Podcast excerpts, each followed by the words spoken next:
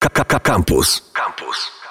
Moim i Państwa gościem w dzisiejszym cyklu konwersatorium jest y, dziekan Wydziału Filozofii, profesor doktor habilitowany Paweł Łuków. Dzień dobry. Dzień dobry. Filozofia wydaje mi się zawsze być, wydawała mi się zawsze być taką dziedziną, która stawia dużo pytań przede wszystkim. E, zastanawiam się, jak te stawianie pytań zmienia się, jakie nowe pytania powstają w związku z rzeczywistością, która nas otacza i jak wydział się zmienia w związku z tą rzeczywistością. Mówię o postępie technologicznym, cyfryzacji, e, rewolucji technologicznej, jak niektórzy mówią. No to bardzo wiele pytań w jednym. Po pierwsze, myślę, że dochodzi do pewnego rodzaju przemodelowania tego w ogóle, czym jest filozofia, jak się ją uprawia. Mhm bo przede wszystkim e, w coraz większy, jak gdyby mamy, my filozofowie mamy kontakt z tak zwaną rzeczywistością społeczną. Coraz bardziej filozofia staje się wrażliwa na, na, na to, co się dzieje e, wokół tak zwanej akademii. Czyli my, e, nadal oczywiście są badania takie tradycyjne, filozoficzne, ale sporo jest badań, które ma charakter, które mają charakter nazwijmy to aplikacyjny, a więc z jednej strony odpowiadanie na przykład na postęp technologiczny, na nowe technologie, to w jaki sposób się z nimi w nich orientujemy, jak się wobec nimi zachowujemy, możemy lub powinniśmy zachować. Z drugiej strony e, zaangażowanie społeczne jest dosyć spore, a więc e, e elementy tego, co byśmy nazwali filozofią społeczną, e, kwestie, które są jakoś społecznie istotne, typu bioetyczne zagadnienia bądź zagadnienia związane, jak już wspomniałem wcześniej, z rozwojem nowych technologii, na przykład etyczne aspekty e, tych technologii. To jak gdyby zajmuje coraz większy taką porcję tych badań, które się prowadzi na filozofii. A jeżeli chodzi o metody nauczania? Metody nauczania u nas są trochę y, chyba tradycyjne, ale myślę, że robione często w nietradycyjny sposób. To znaczy, z jednej strony mamy y, oczywiście takie formy nauczania jak wykłady, mm, ale jeśli chodzi o te zajęcia o charakterze seminaryjnym czy ćwiczeniowym, to one coraz częściej angażują takie y, metody włączające y, studentów, włączające uczestników, nie tylko poprzez takie rzeczy, jak to było e, w dawnych czasach, czyli jakieś e, e,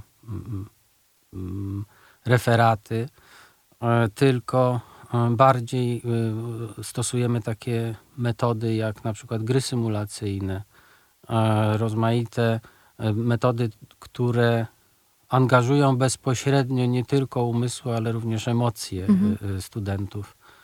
Co więcej, jeśli spojrzymy na sam program studiów, na przykład studiów filozoficznych, bo my tylko nie studi prowadzimy studia nie tylko na kierunku filozofia, ale na filozoficznych studiach mamy e, bardzo dużą swobodę mają studenci w kształtowaniu swoich, e, swojego programu studiów. To znaczy mamy ogromną pulę zajęć seminaryjnych, seminariów po prostu, a jeśli chodzi już o studia drugiego stopnia na kierunku filozofia, to one są już zdominowane przez y, seminaria. A dlaczego w ten sposób? Dlatego, że po pierwsze filozofia jest niesłychanie zróżnicowaną dyscypliną, jeśli chodzi o metodologię.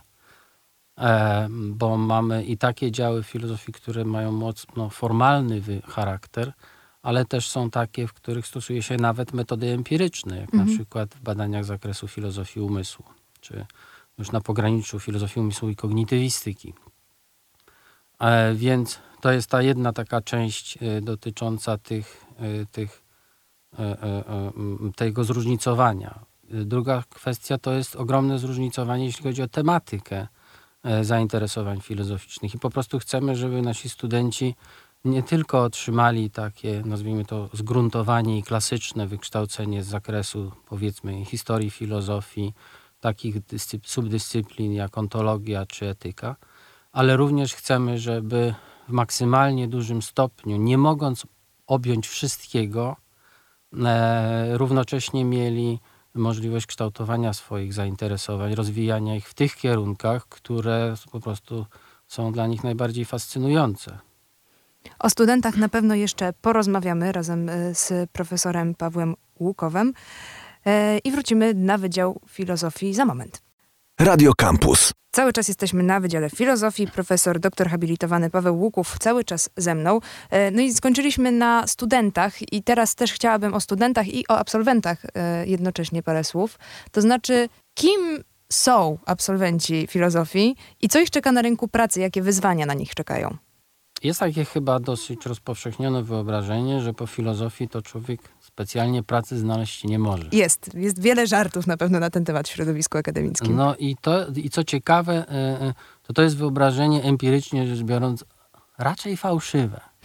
To znaczy, jeśli chodzi o naszych absolwentów, my nie narzekamy, e, a w każdym razie oni nie narzekają, bo to jest przede wszystkim o nich chodzi. Mhm. Raczej nie narzekają na to, że nie mogą znaleźć pracy. I myślę, że to jest zasługa tego, że nasze studia rzeczywiście kształtują coś, co no jest pewnego rodzaju rzadkością, choć zapewne nie jest to endemiczne tylko e, e, dla naszych studiów, ale one kształtują umiejętność operowania różnymi systemami pojęciowymi.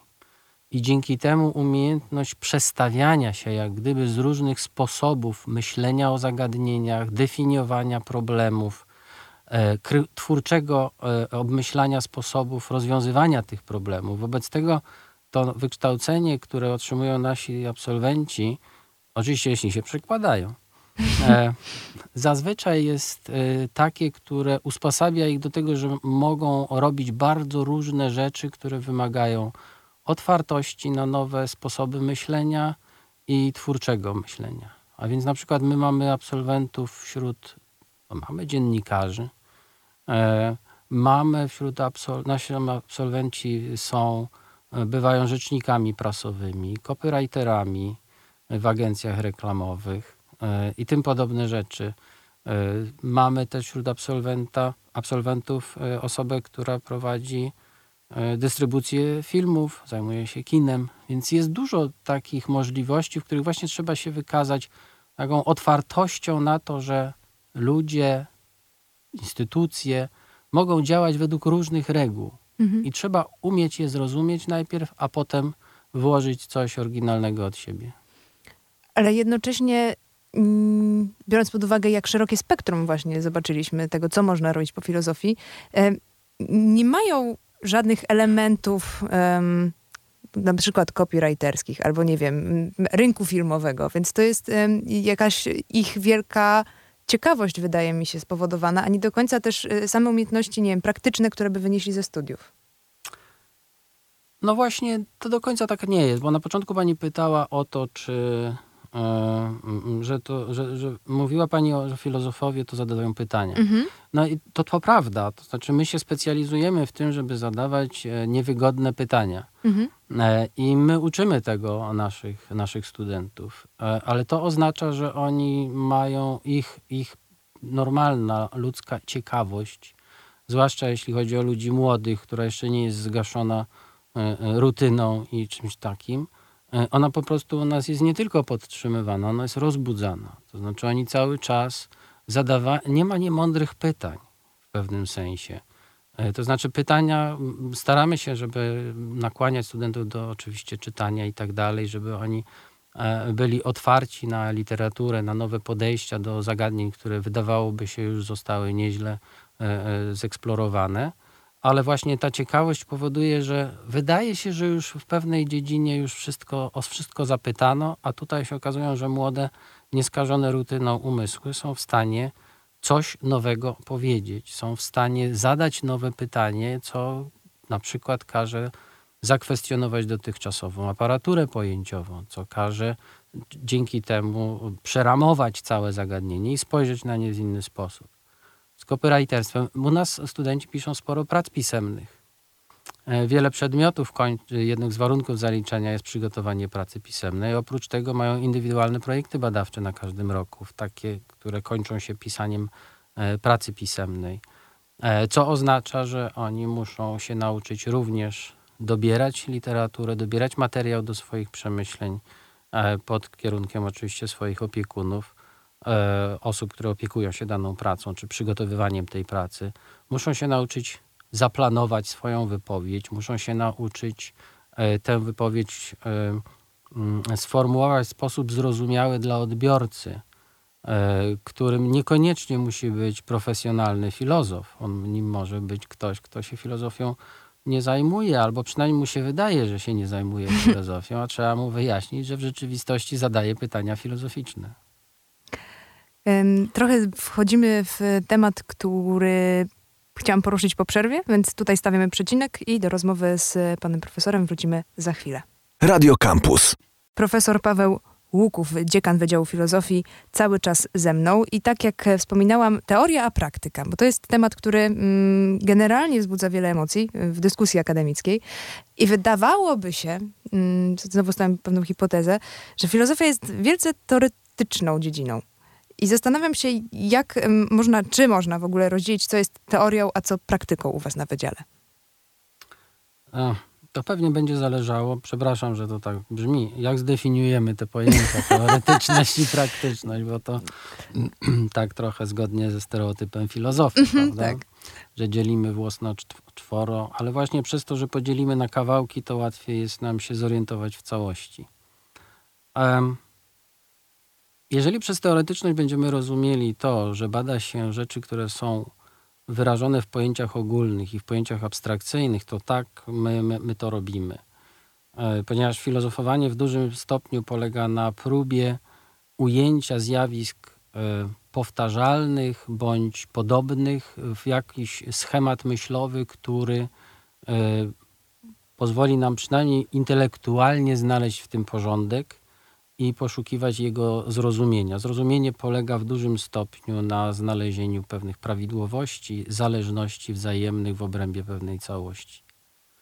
I w tym sensie to jest, e, em, e, to jest, to jest teoretyczne przez abstrakcyjność. Czasami ta abstrakcyjność idzie tak daleko, że koledzy filozofowie, fi- filozofki, którzy zajmują sąsiednie pokoje, mają kłopoty z, z, komunikowaniem się, ponieważ tej literatury jest mnóstwo, zagadnienia są często bardzo wąskie i specjalistyczne.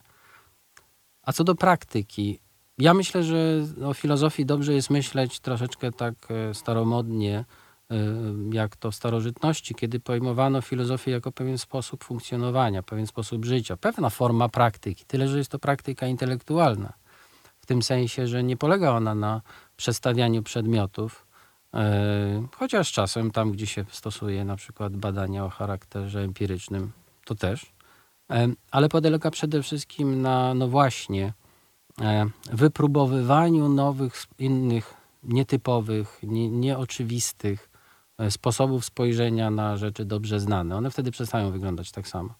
Czy to jest praktyka? Mnie się wydaje, że tak. E, Myślę, że bliscy filozofów to zauważają, e, że myślimy czasami niestandardowo i czasami inaczej, co nie znaczy, że musimy być dziwakami. No, chyba nie. E, Większość z nas nie jest chyba dziwakami. Dlaczego by traktować to słowo jako obraźliwe? Niekoniecznie obraźliwe, ale takie troszeczkę z, tak, tak protekcjonalne, prawda? Mhm. E, Chodzi raczej o to, że, że oryginalność spojrzenia na rzeczy dobrze znane otwiera oczy. I otwiera oczy również w takim wymiarze społecznym, bo na przykład uczymy się przez to doceniania odmienności, nie widzenia odmienności jako zagrożenia, tylko widzenia jego, jej jako szansy. Jeśli popatrzymy na to, że inni widzą te same rzeczy inaczej, jesteśmy otwarci na to, żeby wejść w ten ich świat pojęciowy, ten ich sposób patrzenia i rozumienia świata. I jeżeli mamy taką odwagę, bo to też troszeczkę odwagi, to może też jest element praktyczny, takiej intelektualnej odwagi uczymy. I, i się, i, i, i razem ze studentami się uczymy. E, bo wtedy może się okazać, że nasz dotychczasowy sposób rozumienia jakiegoś zagadnienia był może niekoniecznie błędny, ale był zawężony, że czegoś nie docenialiśmy. Więc ja sądzę, że to jest też taki, filozoficzne studia są też takim treningiem i tolerancji, i otwartości, e, i skłonności do współmyślenia, bo też nie jest e, do końca prawdziwy stereotyp filozofa jako takiego e, zamkniętego w wieży z kości słoniowej, który nie bardzo wie, co się dookoła niego lub jej dzieje. Dopytałabym współmyślenia, czyli Czyli współpracowania w docieraniu do podzielanego oglądu jakiejś sprawy. E, Wbrew pozorom wcale nie jest to takie, takie łatwe, ponieważ na przykład wymaga umiejętności czytania ze zrozumieniem i słuchania ze zrozumieniem, e, tak aby przejść na warunki tego, kto mówi lub kto napisał. Mówiąc inaczej, słuchanie w ogóle jest, wymaga na przykład samodyscypliny, wymaga oddania pewnej kontroli temu, kogo słuchamy, nad tym, o czym mówimy, w jakim tempie e, i które zagadnienia ten ktoś uznaje za bardziej warte wyartykułowania i ważniejsze w porównaniu z nami. E, To jest, e, to, jest, to jest spora odwaga, bo to oznacza, że to my przestajemy dobrowolnie rezygnujemy z pewnej części kontroli po to, aby potem razem móc nad tą rzeczywistością zapanować. Wydaje się rzeczą szalenie istotną w, faktycznie we współczesnym świecie ilości narracji, e, które nas otaczają. E, to o Wydziale Filozofii razem z dziekanem tegoż wydziału, profesorem doktorem habilitowanym Pawłem Łukowem. Bardzo dziękuję za rozmowę. Dziękuję bardzo. Internety. Facebook.com ukośnik Radiocampus. Twitter ukośnik Radiocampus. Snapchat ukośnik Radiocampus. Instagram ukośnik Radiocampus.